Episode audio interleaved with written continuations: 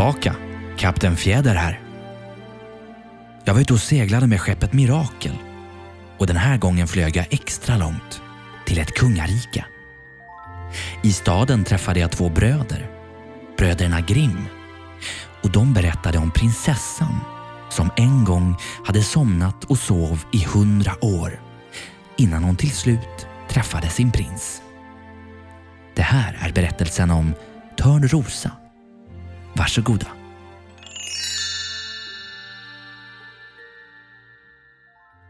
För länge sedan fanns det en kung och en drottning som varje dag sa till varandra Tänk om vi ändå hade haft ett barn. Men de hade inget fått. Så en dag när drottningen badade hände det sig att en groda kröp upp ur vattnet och sa till henne Din längtan blir uppfylld. Inom ett år kommer du att få en dotter. Precis som grodan hade sagt gick det. Drottningen fick en dotter som var så fager att kungen blev utom sig av glädje och ställde till med en stor fest.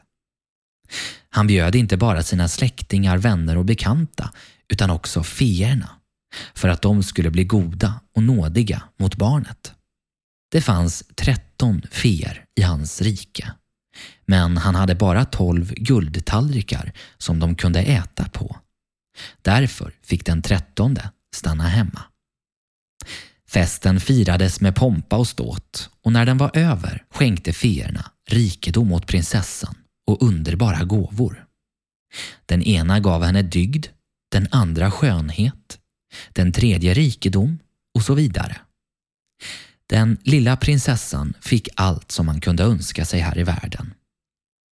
När elva av feerna hade meddelat sina goda önskningar kom plötsligt den trettonde in. Hon ville hämnas för att hon inte hade blivit bjuden och utan att hälsa eller ens se på någon så ropade hon med hög röst. Kunga, kungardottern kommer att sticka sig på en slända och hon kommer få ont. Utan ett ord mer vände hon sig om och lämnade salen. Alla blev förskräckta.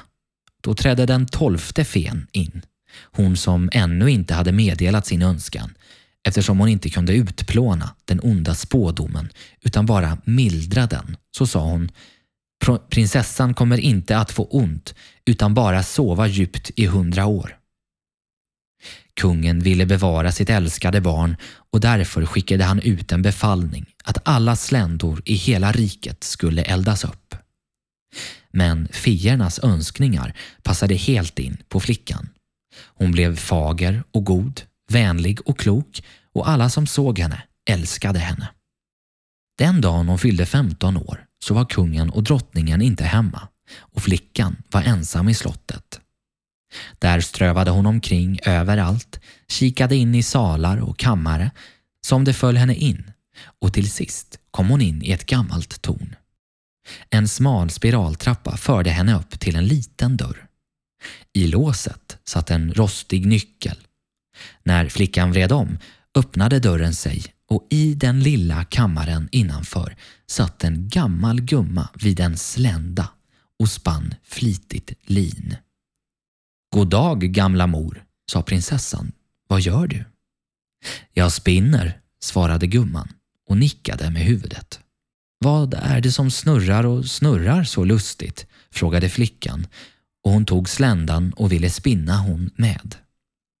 Men knappt hade hon rört spinnstolen förrän spådomen gick i uppfyllelse och hon stack sig i fingret på sländan. I samma ögonblick som hon stack sig sjönk hon ner på bädden som stod där och föll i djup sömn. Och hela slottet föll i sömn på samma gång som hon. Kungen och drottningen som just hade kommit hem och kommit in i salen somnade. Och hela hovet med dem. Hästarna i stallet, hundarna på gården, duvorna på taket, flugorna på väggen. Ja, alla sov. Till och med elden som flammade i spisen blev stilla och somnade in. Runt omkring slottet växte en törnroshäck upp. För varje år blev den högre och till sist så omgav den hela slottet och växte högre än tornen så att inte ens flaggorna syntes. I riket berättade man sagan om den sköna sovande Törnrosa.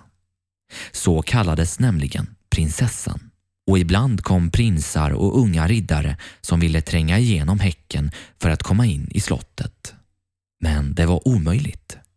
Efter många och långa år kom slutligen en prins till riket och han hörde en gammal man berätta om Törnroshäcken.